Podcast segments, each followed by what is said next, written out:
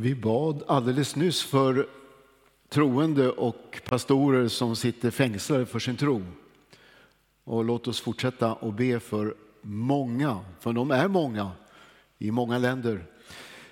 I Apostlagärningarna 16 så möter vi två av apostlarna. Paulus, eller hans medarbetare Silas, de är på väg in i en stad eh, på en av sina resor, Filippi. De kommer att hamna i fängelse innan, deras, innan den här storyn är klar så kommer de att sitta i fängelse. Men den där fängelseperioden kommer att vara själva källan till att en församling bildas. Fångvakten blir nämligen en av de första som blir frälst. Men det intressanta är när, när de kommer till Filippi, två helt okända personer, så är det en ung kvinna som möter dem och som började tala om för alla, de här två, det är den högste gudens tjänare och de förkunnar för er en, en väg till frälsning. Och det där upprepar hon gång på gång. Och de var ju helt nya där i stan, hur visste hon det? Och, och det där pågick, de stötte på varandra och hon hade samma budskap. Då kunde man ju tänka att Paulus tänkte, tänkte vad, vad intressant att det finns en här som, som är så känslig så att de förstår vilka vi är. Men det intressanta är att det står att Paulus han blev upprörd. För att han kände att den här kvinnan, hon talar inte i Guds ande. Hon talar om en väg till frälsning. Det finns, ju bara, det finns bara en väg, vägen till frälsning. Han kände, nej det här är fel.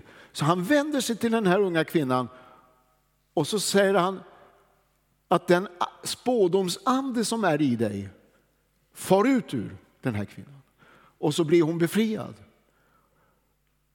Hur visste Paulus, hur kunde han känna skillnaden på Guds ande och denna spådomsande? Ja, det är det som är ämnet för 20 minuter framöver. Ska vi be tillsammans? Herre, tack att vi får öppna ditt ord. Det levande ordet, det sanningens ord. Och herre, jag ber att du ska kasta ljus över det för oss alla. I Jesu namn. Amen. Vi läser de här orden som vi har läst flera gånger på onsdagskvällarna från första Korinthierbrevet, det tolfte kapitlet som talar om de andliga gåvorna. Och vi läser därifrån vers 7 i det tolfte kapitlet. Kapitel 12, vers 7, där skriver eh, Paulus så här. Och det här är ju då eh, uttryckt en, några verser ur ett sammanhang som egentligen vi skulle läsa hela sammanhanget. Men vi läser då från vers 7 där det står så här. Men hos var och en uppenbarar sig anden så att den blir till nytta. Den ene får av anden ord av vishet, den andra ord av kunskap genom samma ande. En får tro genom samma ande. En får gåvor att bota sjuka genom samma ande. En annan att utföra kraftgärningar. En får gåvan att profetera. En annan att skilja mellan andar. En får gåvan att tala olika slags tungomål, en annan att uttyda tungomål. Men allt detta verkar en och samme ande som efter sin vilja fördelar sina gåvor åt var och en. Ja, det är omöjligt att uttömma det här ämnet på 20 minuter, men jag ska ge dig några tankar så kanske vi kan återkomma till det eh, senare. För att, för att förstå det här egentligen så måste vi ha en bakgrund med oss. Eh, I Kolosserbrevets första kapitel så talar Paulus där om hur Gud skapade allt i världen. Han säger att Gud skapade synligt såväl som osynligt. Det där är ju intressant. Alltså det synliga, det, det vet vi ju. Det är det vi kan ta på, det vi kan se. Men så finns det alltså en skapad värld som är osynlig. Som vi inte ser. Men som är lika verklig, eller låt mig säga kanske ännu verkligare än den som vi kan se. Och det är i den världen vi nu ska röra oss en stund. Ni vet att djävulen gjorde revolt emot Gud. Och sedan den revolten så finns det två poler i den osynliga världen. Det är Gud, Guds rike, den helige Ande, Jesus Kristus, den treenige gudomen. Och sen har vi då den andra polen, upproret, ondskan. För Gud är djävulen inget problem. Han har kastat ut honom, han har dömt honom, det finns ett straff till honom. För Gud är saken utagerad. Men för oss människor är det, är det ett problem. För oss människor är han ett problem. För att han vill dra in egentligen alla människor i sin revolt mot Gud. Och det är här spänningen uppstår, eller hur? Så den här osynliga världen som vi inte kan se, den påverkar oss. Vi lever i ett spänningsfält. Du vet, det finns ju mycket som vi inte kan se som påverkar oss. För att ta bara ett banalt exempel. Det finns något som heter Golfströmmen. Känner du till? Som går ute i Atlanten. Och nu säger man att eh, det, man tänker sig att det här kan förändras och det kommer förändra hela vårt klimat i så fall. Golfströmmen gör att, att eh, hela vårt klimat är som den är i Sverige och i Europa och i andra delar av världen. Det tänker vi ju inte på. Men det finns alltså en, en undervattensström som påverkar vårt liv. Och vi skulle kunna ta många sådana exempel. Det finns alltså i den osynliga världen saker och ting som påverkar oss. I Fesebrevet, det andra kapitlet, säger Paulus att vi alla följde försten över luftens, luftens härsmakt. Det är alltså djävulen. Alltså, världen är i den ondes våld. Men när vi kommer till Jesus, när vi kommer till Gud genom Jesus, så sker det ett regimskifte i våra liv. Han är inte längre den som styr, utan vi föds på nytt in i Guds rike genom den helige Ande. Och det är det som är så fantastiskt, att få vara en Jesus-troende människa. Att få ha bytt regim i sitt liv. Vi, är, vi tillhör Jesus Kristus. Han är vår Herre. Han är den vi följer. Vi är, som Jesus sa till Nikodemus, vi är födda på nytt. Du kan läsa om det här i Johannes kapitel 3. Vi är födda av vatten och ande. Vi föds på nytt, vi får en ny ande. Den helige ande i våra liv. Men trots det så talar Bibeln om att vi står mitt i den här polariteten i den osynliga världen. Du kan läsa i Efesierbrevet, det sjätte kapitlet, där Paulus säger i eh, den, det tionde, den tionde versen att den kamp vi har att utkämpa är en kamp inte mot kött och blod, alltså inte mot människor, inte mot någonting vi kan se, det synliga, utan en kamp emot himlafurstar, väldigheter i den osynliga världen. Det där är ju en märklig beskrivning och då kan man ju känna sig väldigt liten. Att jag är inne i en kamp mot världshärskare. Och tänker man, hur ska det gå? Hur ska jag klara mig i den kampen? Ja, men då är det ju så fantastiskt att jag håller mig till honom som har vunnit seger över djävulen. För Jesus har vunnit den segern. Vi kanske ska läsa det för att riktigt betona det. Vi går till Kolosserbrevets andra kapitel. Kolosserbrevets andra kapitel och vi läser den femtonde versen. Har du Bibeln med? Femtonde versen så står det så här. Det andra Kolosserbrevet 2 och 15. Han har, eh, han har förlåtit oss alla överträdelser och strukit ut det skuldbrev som med sina krav vittnade mot oss. Det har han tagit bort genom att spika fast det på korset.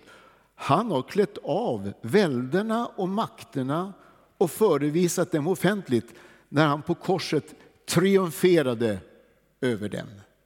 Så Jesus har vunnit seger över djävulen. Han har inte bara vunnit seger knappt och jämnt sådär, utan han har triumferat. Djävulen har förlorat sin makt. Och vi hör ju till honom. Han är vår Herre. Och därför säger Bibeln, vi kan vinna seger i den kamp vi har att kämpa. Eh, I, I första Johannes brev så talas det om att Eh, den segern vi vinner, det är vår tro. Ska vi ta nästa bibelvers du har där? Vi, vi, ni kära barn är från Gud och har besegrat den, för han som är i er är större än den som är i världen. Förstår du nu att vi behöver alltså inte vara rädda för det ondas inflytande, för vi, har, vi står på Guds sida. Vi är födda på nytt, vi hör till Jesus Kristus.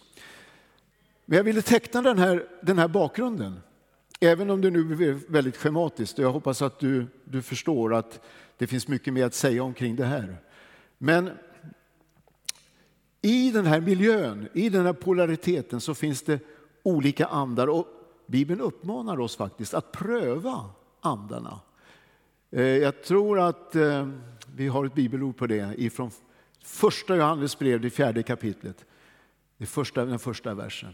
Mina älskade, tro inte varje ande, utan pröva om andarna kommer från Gud. Det finns ju många falska profeter som gått ut i världen. Här uppmanas vi alltså att pröva andarna och inte bara köpa allt rakt av, utan pröva det noga. Att skilja, det är det som vi talar om här, att, att skilja mellan andar, att kunna döma vad som är från Gud och inte. Och det här är någonting som vi har möjligheter att göra och jag ska ge dig några sådana här eh, sätt att pröva andar. Det första det är att vi prövar det hela mot Guds ord. Det här är, den, det här är, den, det största, det här är sanningens ord. Och det här är det som allt mäts emot. Allt döms utifrån Guds eget ord. Så det kan vi alla säga. Är det någonting som går emot det Gud har sagt i sitt ord, då avvisar vi faktiskt det. Därför att det här, det här är sanningen. Och det här är det vi håller oss till, eller hur? Och Guds ande som har gett oss ordet är ren och helig och kärleksfull. Den heliga ande given av Jesus.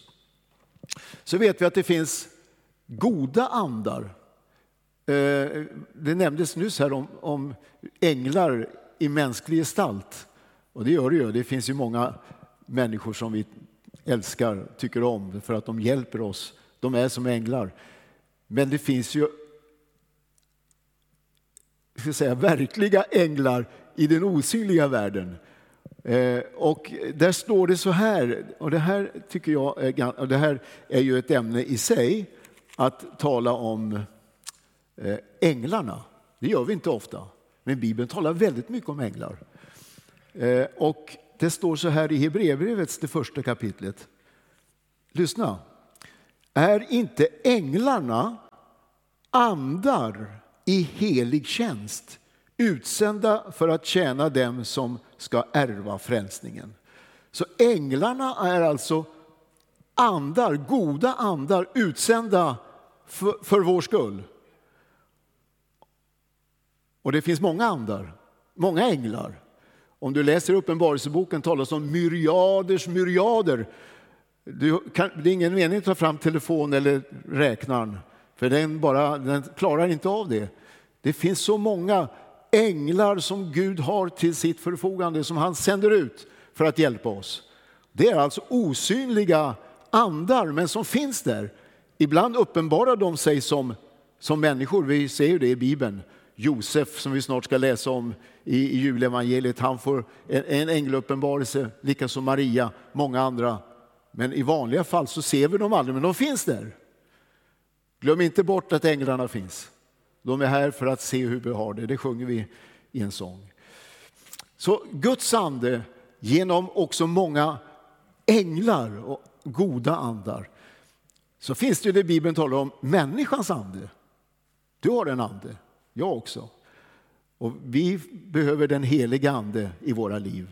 Men människans ande kan ibland spela oss spratt när, vi, när vår egen ande vi kan misstolka det och tro att det vi själva liksom kommer med, det, vi ger det för stor, för stor betydelse.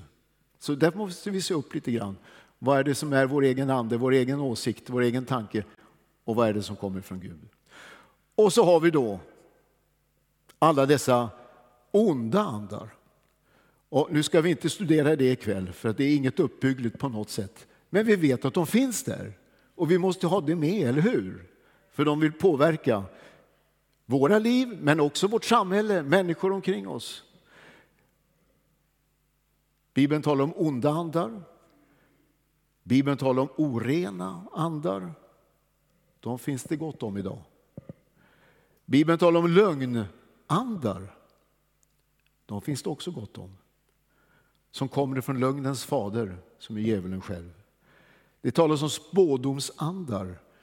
Den här flickan jag nämnde i början i Filippi, hon hade en spådomsande.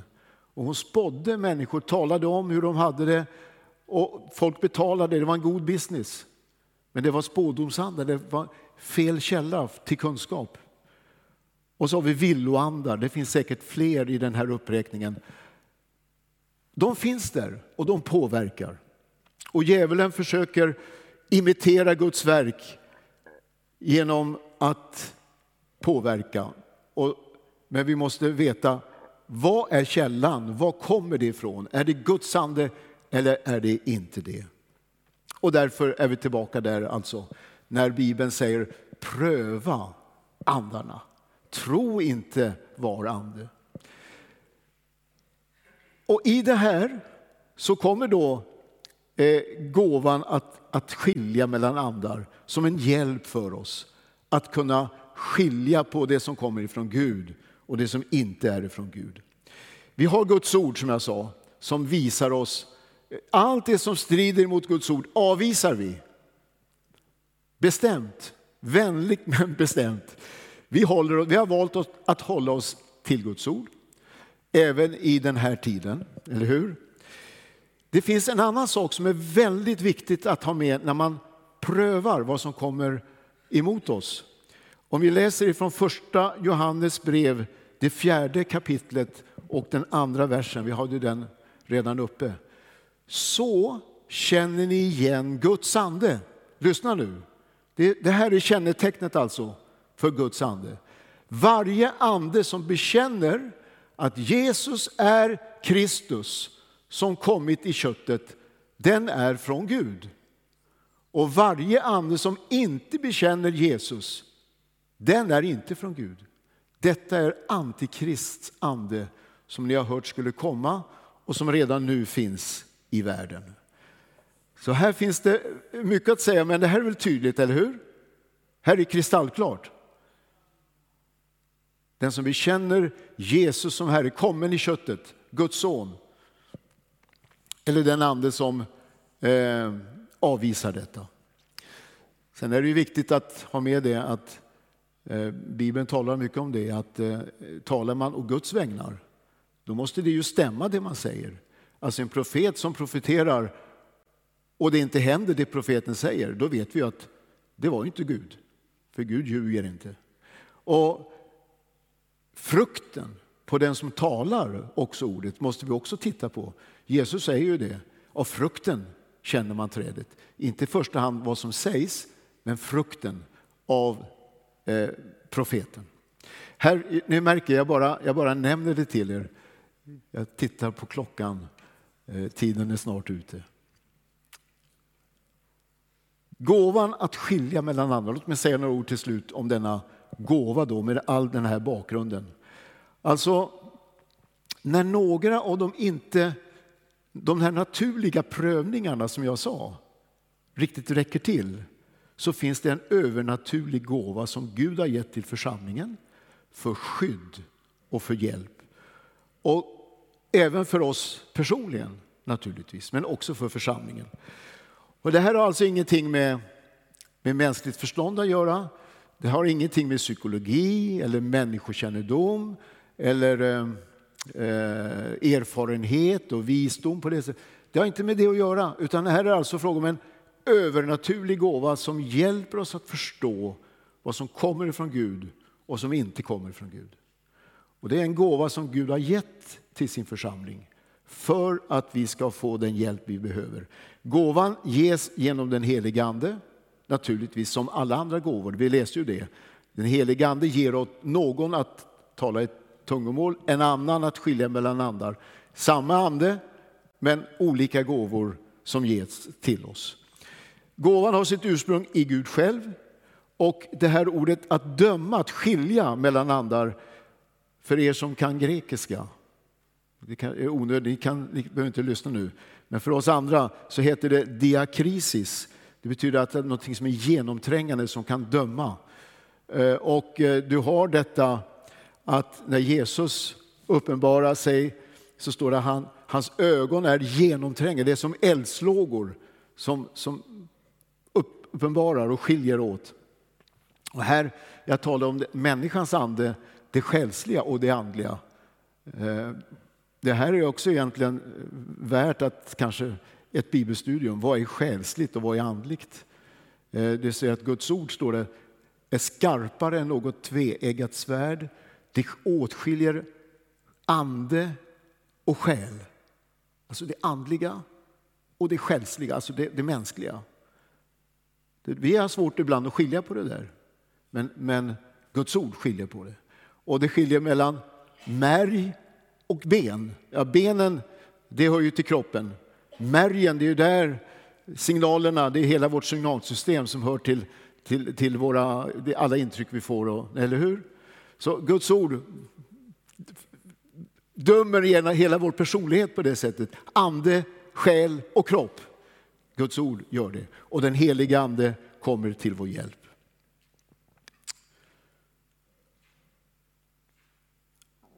Jag ska ge er ett, bara ett par exempel innan jag säger amen. När Filippus i den förföljelse som hände i Apostlagärningarna 8. Den, unga församlingen är med om en förföljelse och Filippus, han var inte apostel men han kom till Samaria och han började predika Kristus. Och han är med där och ser någonting förunderligt ske i den stan. Eh, man, man hör hans ord och man eh, ser undren som sker. Det där, eh, har du tänkt på det? Man hör förkunnelsen och ser undren. Det var det som gjorde att Samarien förstod att det man predikade var, var sant. Jag tänker ibland på den här, de här, den här unga evangelisten nere i, i Benin, i Voodoo-området. Han kom och startade en, en ny församling. Det var en vit fläck på den andliga kartan. Han och hans familj, en ung kille, flyttar dit. Och så samlas en grupp troende plötsligt och så växer en församling fram. Och jag frågar honom, hur gör du?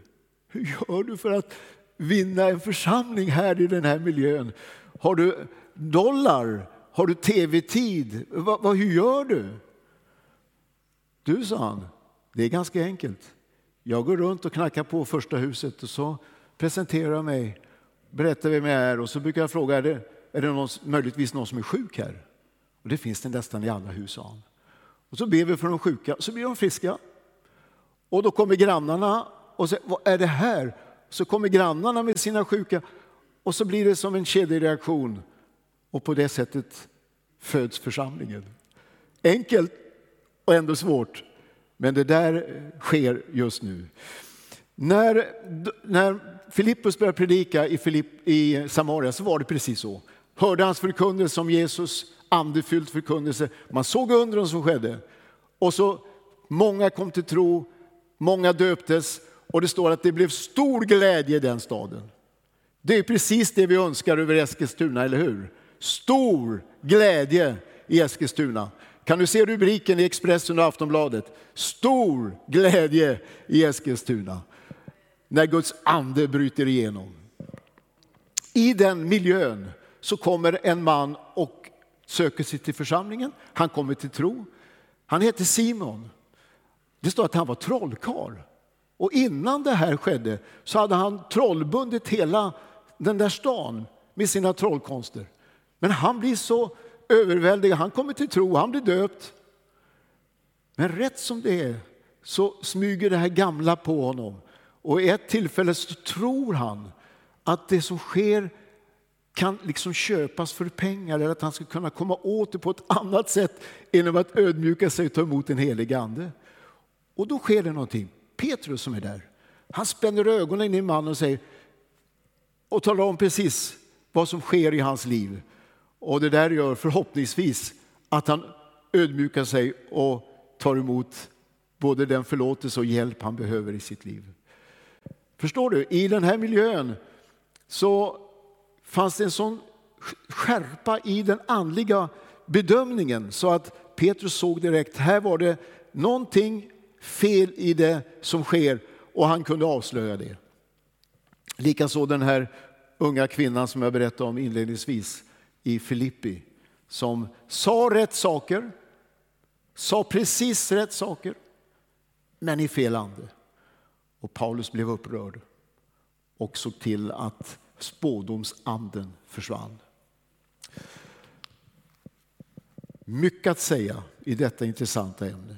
Men jag hoppas att du har tagit emot den här inledningen ändå av ett, en gåva som vi behöver be mycket om att få i funktion i våra liv och i församlingen. Vi behöver gåvan att kunna skilja mellan andar. Det finns så mycket andar i omlopp idag i vår stad.